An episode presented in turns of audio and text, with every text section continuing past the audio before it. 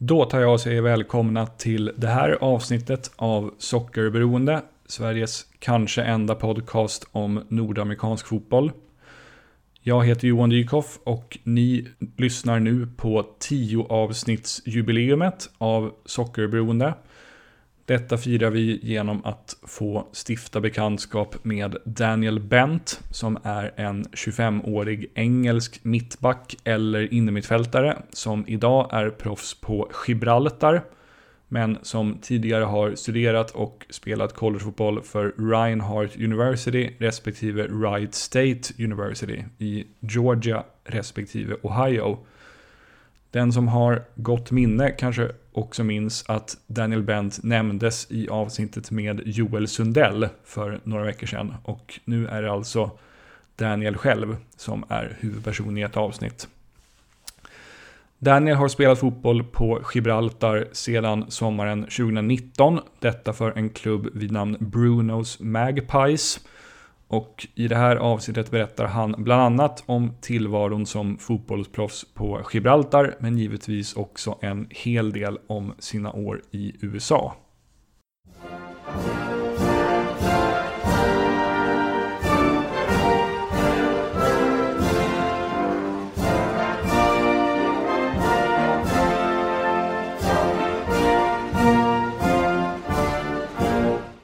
Start off, can you just talk a bit about your childhood and what role sports and football in particular played in your life as a kid? Yeah, um, sort of obviously growing up as every kid does, sort of played football just, you know, in the garden, in the park with my dad and my brother and stuff like that. Um, sort of just for fun, you know. At first, it was just a bit of fun. And around eight, ten years old, um, my dad's friend had a football team.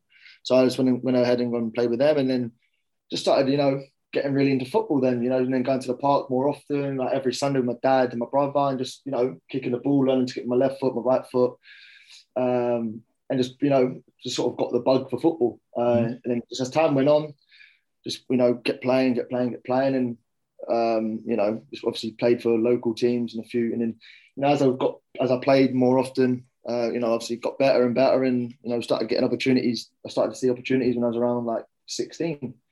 Um, so yeah, just like every kid wanting to play football, didn't really see it. Um, didn't really see it as a career in a sense, you know. Obviously, just enjoyed it and and sort of was able to get good experiences out of it. Yeah, and you were born and raised in um, what was it now again? I was born in London, and uh, mm. my family moved out to Kent when I was right? only kid. Yeah. And you played for, for instance, Gillingham as a youth player, right? Yep, yep, Gillingham FC. Yeah. Um, so, how was uh, the idea of studying and playing uh, football in the United States born? Um, I yeah, it's funny actually. I was watching, I was on YouTube one day, and I think I saw like Nike Academy or something like that. I don't know how old I was. Must have been about thirteen, and, and, and saw that you could play in America. And um, obviously as I was sort of playing football and I didn't it was just always in the back of my head. So um, I remember I was in school one time and there was a kid, I don't know, uh, there was a guy, you know, a few years older than me, um, went to America, but I sort of I didn't really think much of it. I, I was only maybe 13, yeah, 12, 13. Um, but he went off to America. And I just didn't really think much of it. I didn't really know the full situation. So um, obviously, as my footballing went on, I obviously um, signed for Jules oh sorry, signed mm. for uh, Gillingham, and um, yeah, just sort of when when decisions came around to like you know get offered a contract and stuff. Before as, as that was before that was happening, you know, I was talking with the LF, uh, PFA and the LFE and stuff like that because I was asking, "What's your next step?" And I was just like, you know, I, I sort of want to go play in America. I just sort of threw it out there, and they do little meetings in these things, you know, uh, like bring ex pros in, bring people in, and just say like, you know, there's an outlet after football. There's this, this, and they said, you know, you can go America. Mm. So I obviously, um, I said to them, look, I feel like I want to play in America, and that's sort of just where it came from. You know, um, sort of just saw it one time, and it was always in the back of my mind, you know, to go play out there and you know do study and stuff like that. And then yeah, as it come on, I um, I obviously said I wanted to go out there, and yeah, then it come about, and then obviously thinking at the time as well, like I could always go home if I need to, but it's always good to have that backup with also getting education and a degree. So mm. yeah, that's sort of how it came about. Okay, um, and you moved there in 2015, right?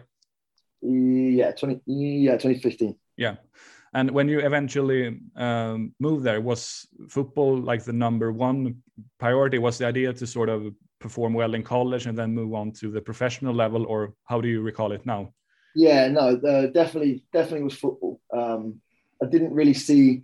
Obviously, I knew getting a degree out of it would be good, but I was going over there to to play football number one, and you know, hopefully get something out at the end of it in America still. You know, um, mm-hmm. but yeah, definitely, definitely was to go over there and play football. And for me, education was sort of, I would say, number two. It wasn't you know, I wasn't putting it aside and not thinking about it at all, but you know, it was wasn't my um, priority to go over there. It wasn't for the schooling; it was more for football. Yeah. Okay. And you spent one year at uh, Reinhardt University in Georgia, and then you transferred to Wright State University in 2016. Is that correct? Yeah, yeah, yeah. yeah.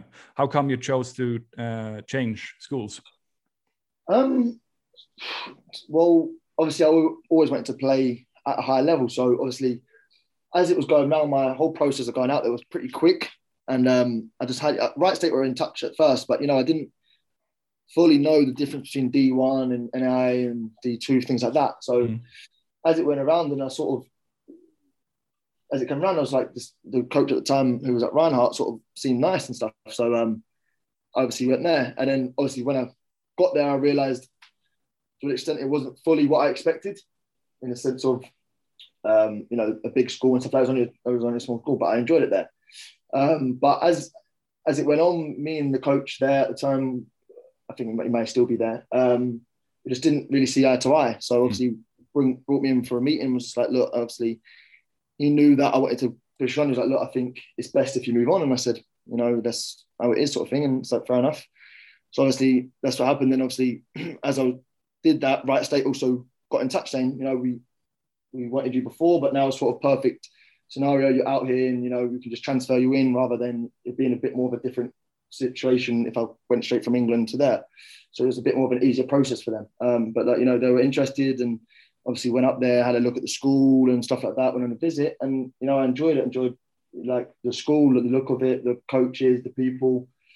So yeah, and ended up transferring there after my freshman year in um, being at Reinhardt. Fresh, uh, I transferred my at the end of my freshman year into my sophomore year, going into uh, Wright State. Yeah. Okay.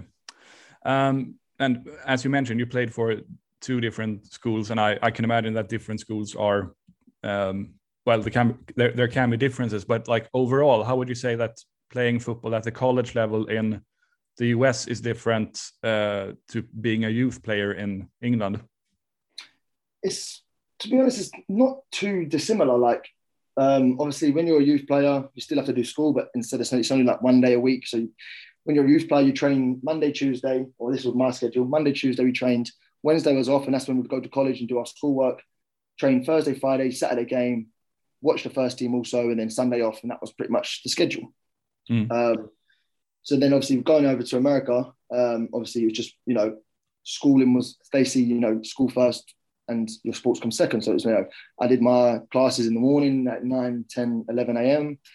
And then I'd like the rest of the afternoon off and then obviously trained from like one to three, you know, maybe lift and stuff. And had most of the rest of the night off. Might the other day I might have a night class, but um, you know, it's not too dissimilar in that sense. And then when it comes down to the football, the footballing, you know, is is actually it's a pretty high level. To be honest with you, you get a lot of boys who go over there who are you know played at a good level and are in the same boat as me, and you know want something different. They don't want the same, the easy option. I, that's how I see it. I didn't want the easy option. I could have stayed home and played non-league or whatever, mm. and I wanted something different. And um, so you get a lot of boys like me who play at a good level from the home country and go over there to study. So you meet a lot of new boys and they're good footballers, and you know it's a pretty high level. Obviously, it's a it's a little different to what it is at like a professional environment in a sense of uh, you know the coaching is not it's good coaching, but not exactly like you're not getting it from top top coaches in professional level, but you're still getting good coaching.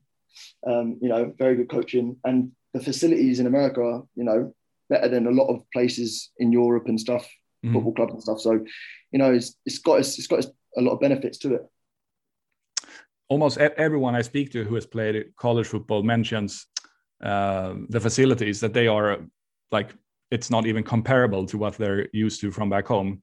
Yeah. Doesn't matter if they're from Sweden, Jamaica, Brazil, England, France, whatever.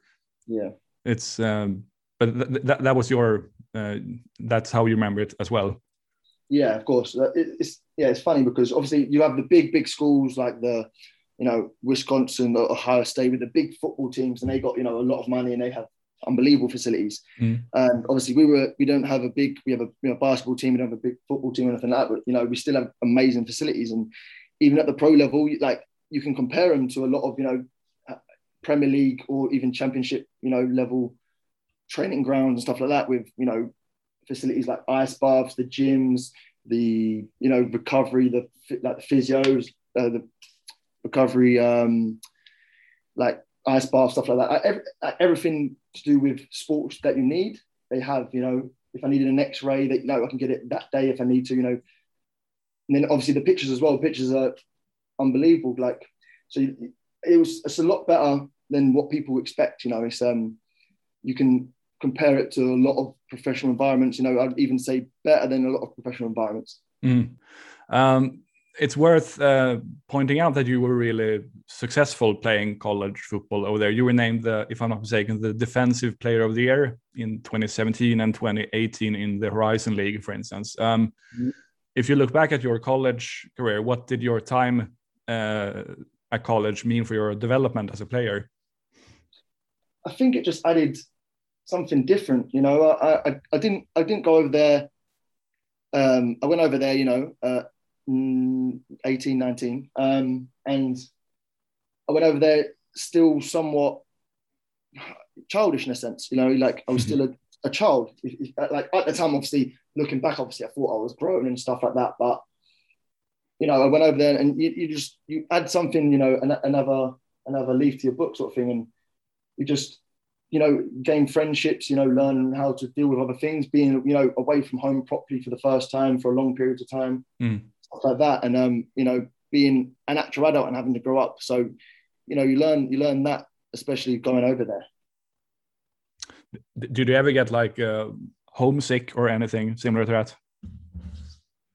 Yeah, at times because you know you, you, miss you miss important things, birthdays, you know, stuff like mm. that. You may even miss Christmases and you know, summer you're over there playing, you, you know, miss with your friends and stuff. But, you know, that's sort of part of the development. And I think that's also why I was successful over there because I was able to, you know, I was able to be away from home but still enjoy it and not get too homesick, you know, and mm.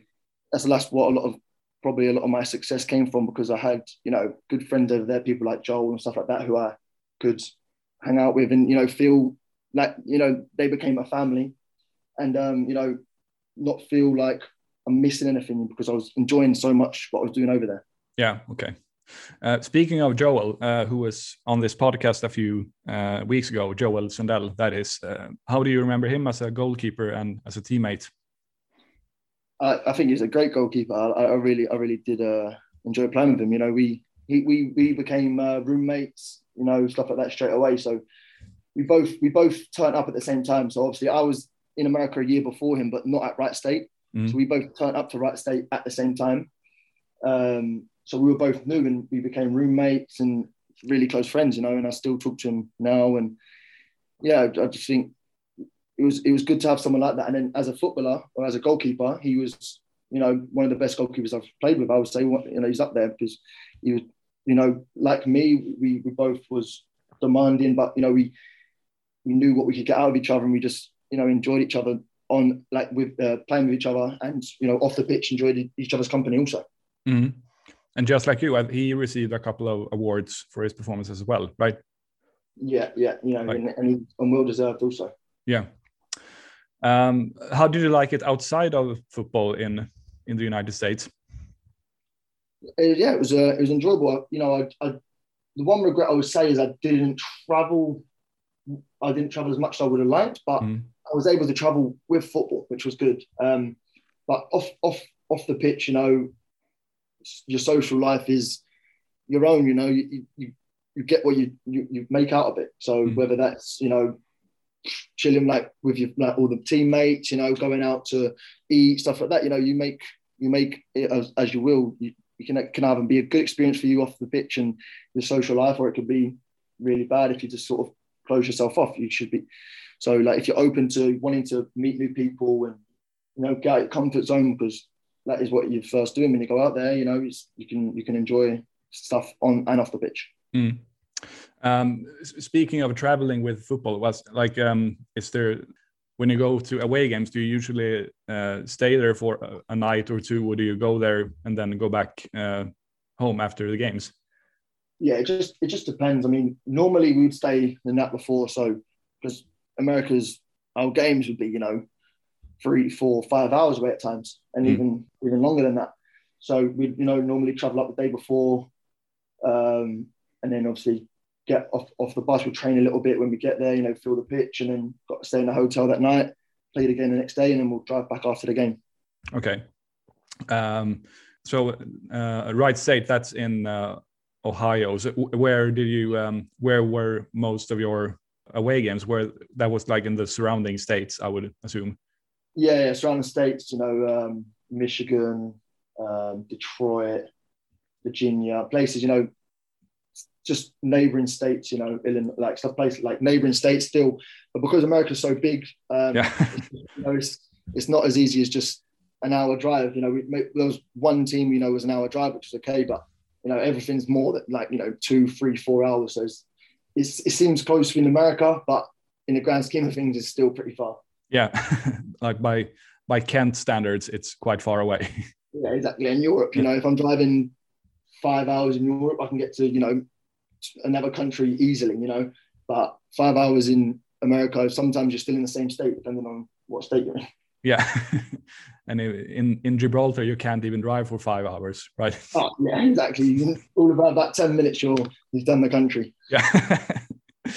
um, uh, let's see. Uh, if someone uh, who is listening to this is uh, thinking about studying and playing football in the United States, like someone who is, I don't know, 16, 17 years old, what advice would you like to give to him or her?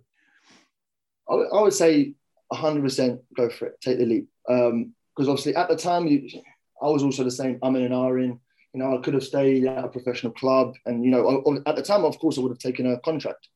But looking back, I'm glad I went to America and I didn't get a contract because I, have got so much more life experience, met friends for life, and you know, and also I became a better footballer out of it. Also, um, mm-hmm. you know, I was, I was able to get good accolades out there, get seen, you know, like two-time defensive player of the year, and that would never been in the school's history. And I became an All-American and stuff like that. And you know, I was getting good, I was playing well, getting good recognition, and you know, improving my football. So coming out of it coming out of America, um, you know, I'm become a better footballer.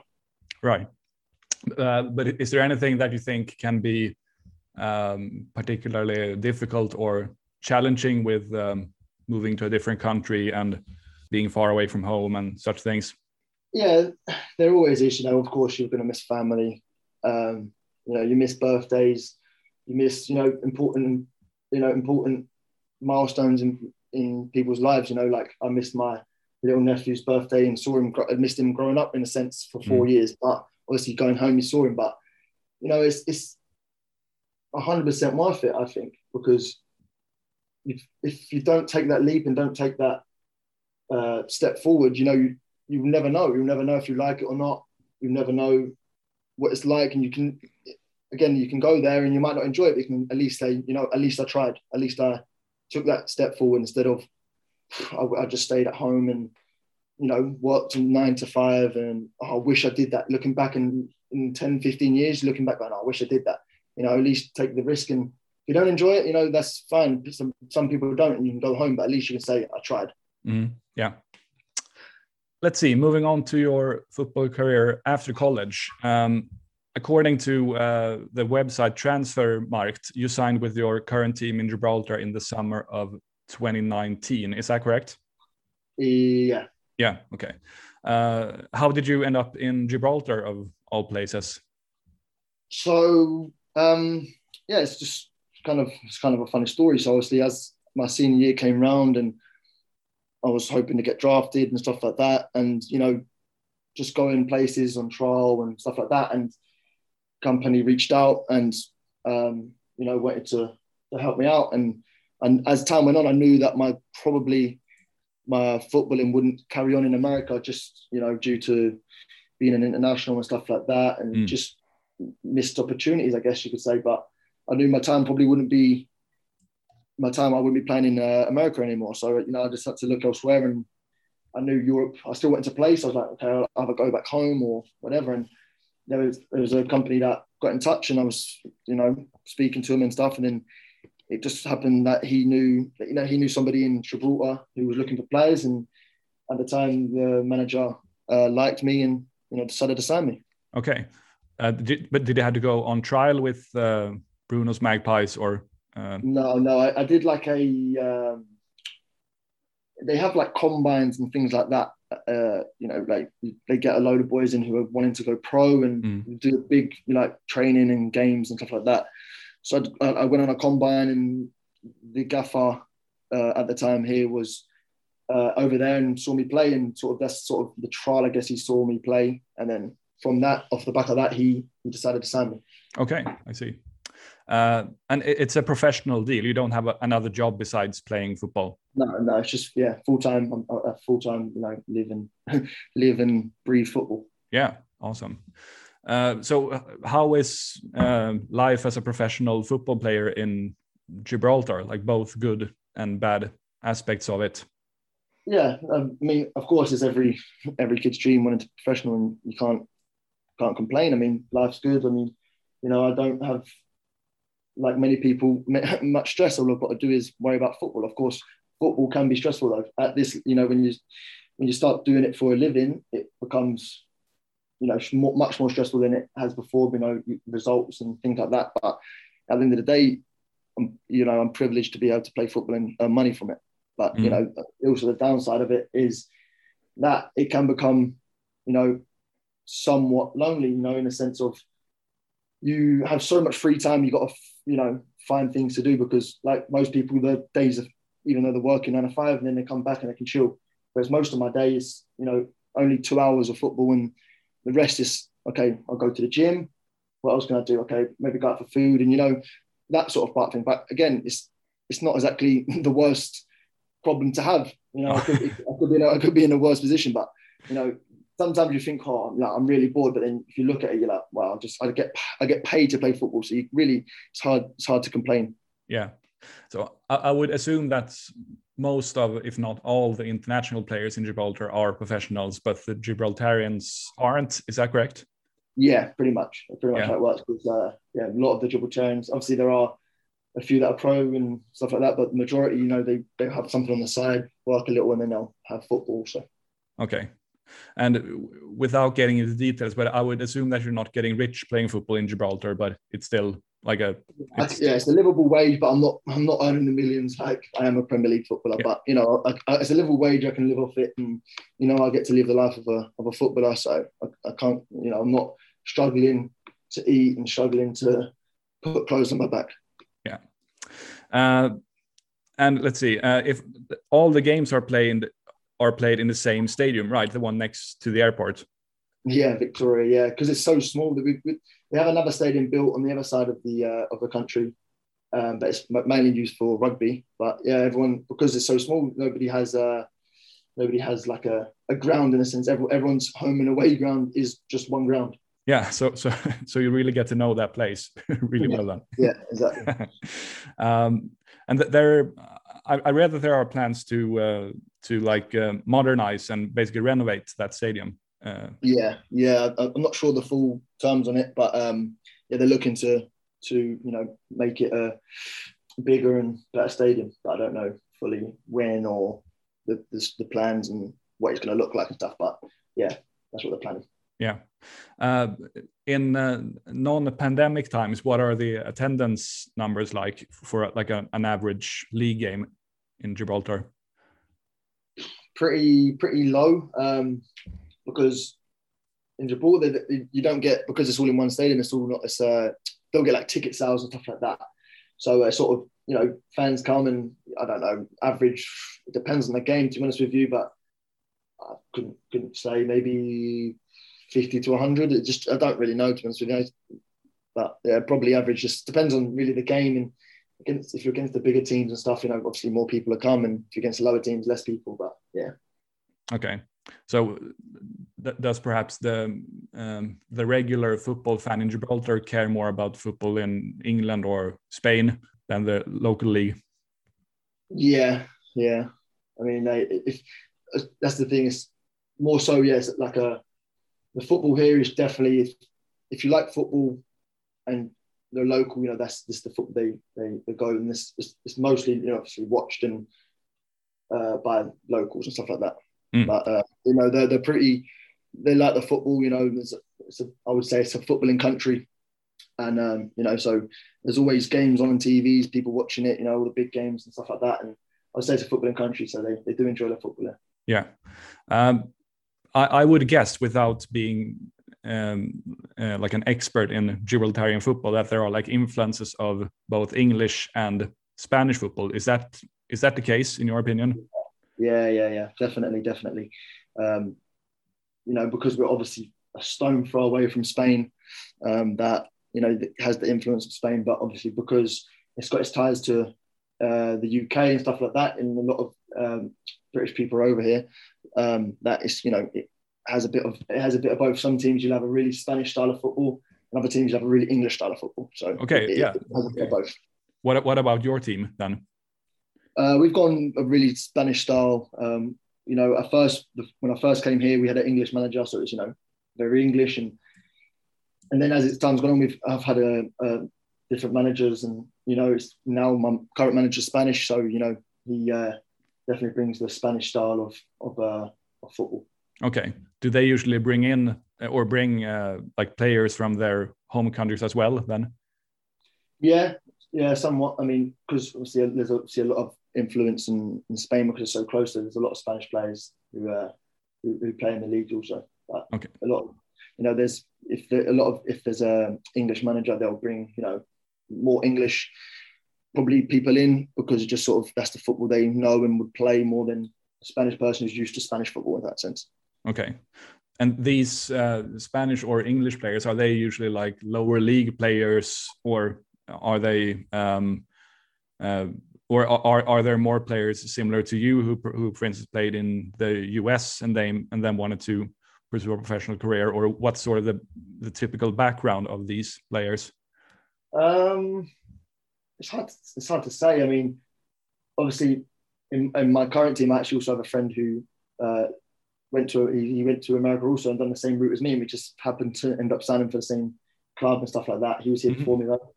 Um, but you know, it it just depends. I mean, a lot of it probably is they're coming from England. It depends on their age, but a lot of the times, if they're a bit older, they had been playing at a high level, and you know they've come over here to live a, a good life and still carry on with the football and if they're younger, normally they probably yeah play the, the, lower leagues in football in like England, say, and Spain's, but the same really. If they're a bit older, probably played at a high level, and they've came here, you know, to, to carry on playing the football, or they live locally or whatever. But you know, the, it, it, just depends. It's a, it's a it's a mismatch of of of both. Okay. Um, is there any player in particular in uh, the Gibraltarian League today who you think has what it takes to play at a higher level in the future? Yeah, definitely, definitely. There's a there's a guy um, who plays for Lincoln, uh, and he's a Gibraltarian called uh, TJ. He, he's pretty good, and he's you know, and he's a born and raised Gibraltarian, and I would say he's probably the the best Gibraltarian there, you know, in the country right now, and probably has what it takes to to play at a high level. But there's also other players, you know, who are in amongst the league who are, you know, 20, 21, 22, who could definitely, you know, push on and go to a high level. Okay, interesting. And I read when I did some research that they are sort of scouting the um, the United Kingdom to to find players with uh, ties to Gibraltar who who perhaps had a grandmother from Gibraltar and such things. So, like Danny Higginbotham, he played a couple of games for the Gibraltarian national team. Yeah, yeah. I guess if you know if they have a um, if they have a tie to Gibraltar that and they play at a high level, they would you know bring bring them in and if they're able to, I guess, because you know they're trying to do good things with for the football here, and it can only be good. Um, can only get better. Sorry, if they bring in you know really good and, and a high standard of players. Mm. let's see. You, you mentioned a bit uh, about life outside of football in Gibraltar. What has the past year or so been like? What has the pandemic life been like in Gibraltar? It's like everywhere in the world, unfortunately. Yeah. Just you know, lockdown, uh, you know, quarantine and lockdown stuff like that, and you know, it's just you know, it's just been a bit. I guess you could say boring, but you know, we have to do it to hopefully get the cases down. Luckily, the cases are down a lot now, so you know things are open here now, and life life's going on as normal to an extent. Um, you know, but you know, like just like everywhere else, just you know, lockdown in your in your apartment or in your house, just waiting for you know, just going out for just a, a shop for the food shopping or or to the pharmacy, and that's it. And you're back in back in your house, and you know, just trying to keep the cases down, doing what we can to to get life back to normality. Mm-hmm. And uh, um, for the footballing side side of things, I, I read that the, the league was actually at first just suspended and then actually uh, like cancelled uh, last year. Yeah. Yeah, but uh, have you been able to play somewhat normally the past or th- this season? Yeah. So this season, last season it, it become null and void, and then starting back this season, I don't remember the month, maybe September. I don't mm. remember. Um, but yeah, we, we the season started back up. We, we were playing games, and then um, another big spike came around Christmas, where they had to you know pause the uh, season again and stop games for a month or two. And um, but now we're, we're back to normal. We've been playing since you know February, and we're playing games and getting the season done. So you know football is you know back to normal here, being able to play games and stuff like that. Yeah, and you play if i'm not mistaken the league is sort of at first you play some sort of regular season and then uh, the league is divided into into two yeah into two groups and you play in what's known as a challenge group at the moment your yeah mm-hmm. yeah and what and what happens if you like if you uh, there, there's no relegation if I, no, no, yeah, because uh, because of the pandemic, a lot of teams there was a second division, and a lot of teams wasn't able to to stay afloat. So you know, it, it just became one league. And hmm. um, mm. yeah, you know, you play as normal in the first half, and in the second half we had like the top six and bottom six, and we had an, uh, an unfortunate year this year, obviously with results and stuff like that, and um, it didn't go as planned. And yeah, we're in we're in the uh, in the challenge group. Okay, but things are you're at least uh, on top of that of that group by quite a margin. Yeah, yeah, yeah. Um, uh, let's see. Uh, for those who haven't seen you play, how would you sort of describe yourself as a player? Which is your preferred position, and what are your best qualities as a player, in your opinion? Um, I would I'd probably say my best position is probably centre back. Um, that's just sort of what I've sort of grown up playing when I've played at a good level and stuff like that. I've been centre back. Like funny enough, when I came here though, I started as a centre back and moved into centre midfield and stuff like that. But mm. if I was to, if I was to, you know, push on and play at an even higher level, I'd probably say I'd, I'd be, um, you know, more comfortable at centre back. But um, I'd say my style of football is, I'd say, somewhat typical English in the sense of you know demanding, you know, talk a lot with my headers, but also I think not very English where I like to I like to play football. I like to play with my feet. I like to you know keep the ball I would say I'm a pretty comfortable person on the ball, left and right foot, and you know like to play play football. And I'm not really like as you think of as typical typical English footballer where you get it and you just kick it long to the striker. I, I like to try and play in you know somewhat, if I guess, a Spanish style of football. Much to the liking of your Spanish coach, mm-hmm. right? Yeah, exactly. Yeah. um, you turned 25 quite recently, if I'm not mistaken. Yeah, January. Yeah. Uh, if you look uh, a couple of years into the future, what are your goals and ambitions with your football?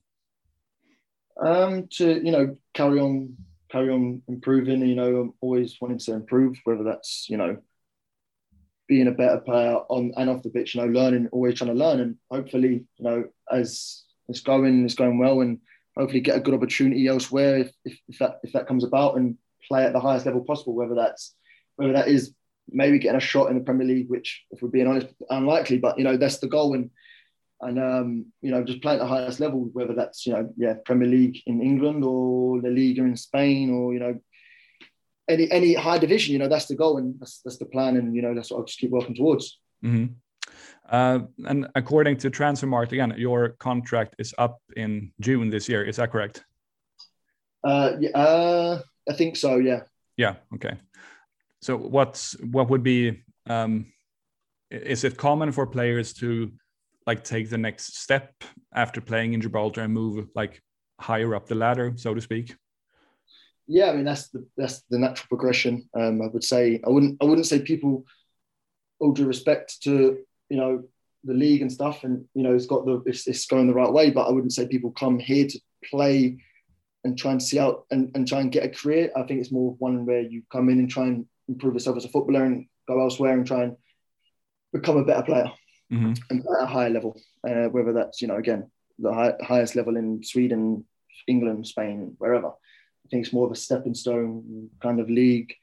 Uh, if you're kind of young to try and improve yourself, play regular football to try and you know go on and play at a high level. Okay. Joel said when I spoke to him that he thinks you could be a starter for his current team in Sweden, for instance. Oh yeah, I mean uh, that's that's that would be that would be good. I mean, I know he's playing at an okay level back in in Sweden. I know he wants to to progress also, but um, yeah, I don't really know the level in Spain uh, in Sweden. Sorry, mm. but if you know uh, Joel knows me as a as a footballer, um, and you know if that if, if, he thinks I could, I think you know I think he's probably got a good idea that I'm probably would be able to then.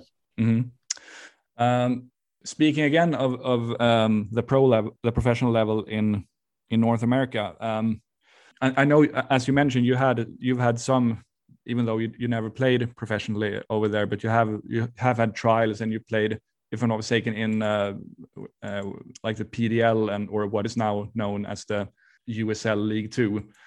Do you sort of from what you can tell, are like things going in the right direction over there? Because to me, the lower professional leagues seem a bit messy. There are teams coming and going, and it seems to be a little bit like chaotic at, at times. But how do you sort of uh, what's your perception of these of the lower but still professional leagues in North America? I would say it's pretty. You've got it pretty spot on. I mean, they've got the right idea and they're going in the right direction, I think, but they need to, um, you know, put certain things in place, you know, um, with, with, with football. I mean, they've got the right idea, but I think, you know, with, it comes from, again, like the MLS, they've got no actual League Two, like a second league below it. So there's no relegation stuff. And it's just sort of, they've got the right idea. It's a good level and stuff. And, you know, they've got the levels now, the steps, you know, USL League Two and League One, uh, USL Championship and then MLS. But, you know, there's no, progression with that in them leagues, that, which is unfortunate. And if, you know they're going in the right way, and uh, hopefully in the next in the coming years they will only you know they can only get better, especially with them hosting the World Cup at, in um, I don't know what year it is, I can't remember, but um, 26. Yeah, so with them hosting the the World Cup in 26, that they you know hopefully you know keep going from that and realize that you know football can be played you know at high level in America, and you know they could do very well, especially in national uh, for the national team if they set up the leagues correctly. I would say. Um, mm-hmm. But yeah, I mean they're, they're in the right direction, but it is can be very very chaotic. Yeah. Do you know anyone uh, who plays professionally in North America today? Yeah, my again my good friend who also played with me at Wright State, uh, AJ Paterson. He uh, plays for Charleston Battery. Um, right he's playing out there, and he also so right now he's actually on international break. But yeah, he plays out there, and you know he, he enjoys it a lot. Um, I've got another friend who played at uh, Red Bulls, the USL league, the, not the MLS team, the USL Championship. Or, yeah, but he was uh, he was there. Um, he was English also, who also played at Wright State with me. Um, so yeah, the two you know close friends who who have who've been playing over there. Mm-hmm. It's interesting. Um, what sort of what's interesting to me is that it seems like the players who perform really well in, for instance, USL Championship, like even though they are really good, perhaps even among the best in the league, it seems to me that they are like changing teams more or less every year. It, it doesn't seem like uh, they are staying at their current teams and sort of continue to build on, uh, sort of build or continue with that team and try to improve that team. It seems, it seems like uh, even the, even if a player is like the top scorer, then he'll change to another team who, as an outsider, you would rank at sort of like the similar level. Okay, he he, he was the top scorer for San Diego, but now he moved to Memphis, and you can't really tell why. that yeah, yeah, I got what you're saying. I, that's yeah, I don't understand that to be honest either. That's where they again, that's where American the American soccer or you know football um, is kind of odd. You don't really have apart from the MLS, but especially like you know in USL Championship, you have the odd players who you know stay with the club for long periods of time. Like my friend AJ's been there for a few years, but yeah, look for some reason they, they they seem to move players on in and out quite a lot, and yeah, I don't really know as to why that is, and that's sort of again I would say somewhat a downfall to you know the American soccer system where they think that's kind of I guess normal in a sense. Um, but yeah, I mean, but yeah, I don't I don't really know as to why it's kind of yeah it's a bit odd. Yeah, because that that I mean that doesn't exactly help the like the progression and uh, well the quality of every or each individual team. That okay, if, if you constantly lose your best players to uh, other other teams of similar quality, like it's pretty much impossible to to build something sustainable then. Yeah, that yeah, I mean that's true. You obviously you want to you want your core group of players, I guess you know, and if they keep changing, how do you you know build a team around people who keep coming in and out? It's kind of yeah a bit odd.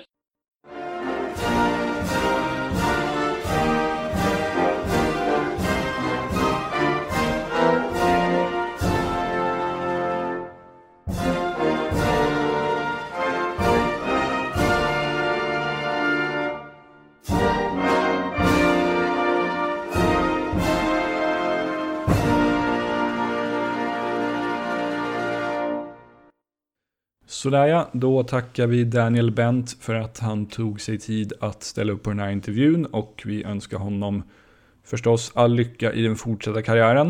Eh, vi får väl se om det blir fortsatt spel på Gibraltar eller någon annanstans för hans del. Eh, fler intervjuer är på gång. Jag kommer spela in minst ett till avsnitt nu den här veckan. Så det tuffar på i ganska bra takt nu. Så håll koll i feeden så dyker det upp någonting där snart igen. Ha det så jättebra så länge. Tja tja!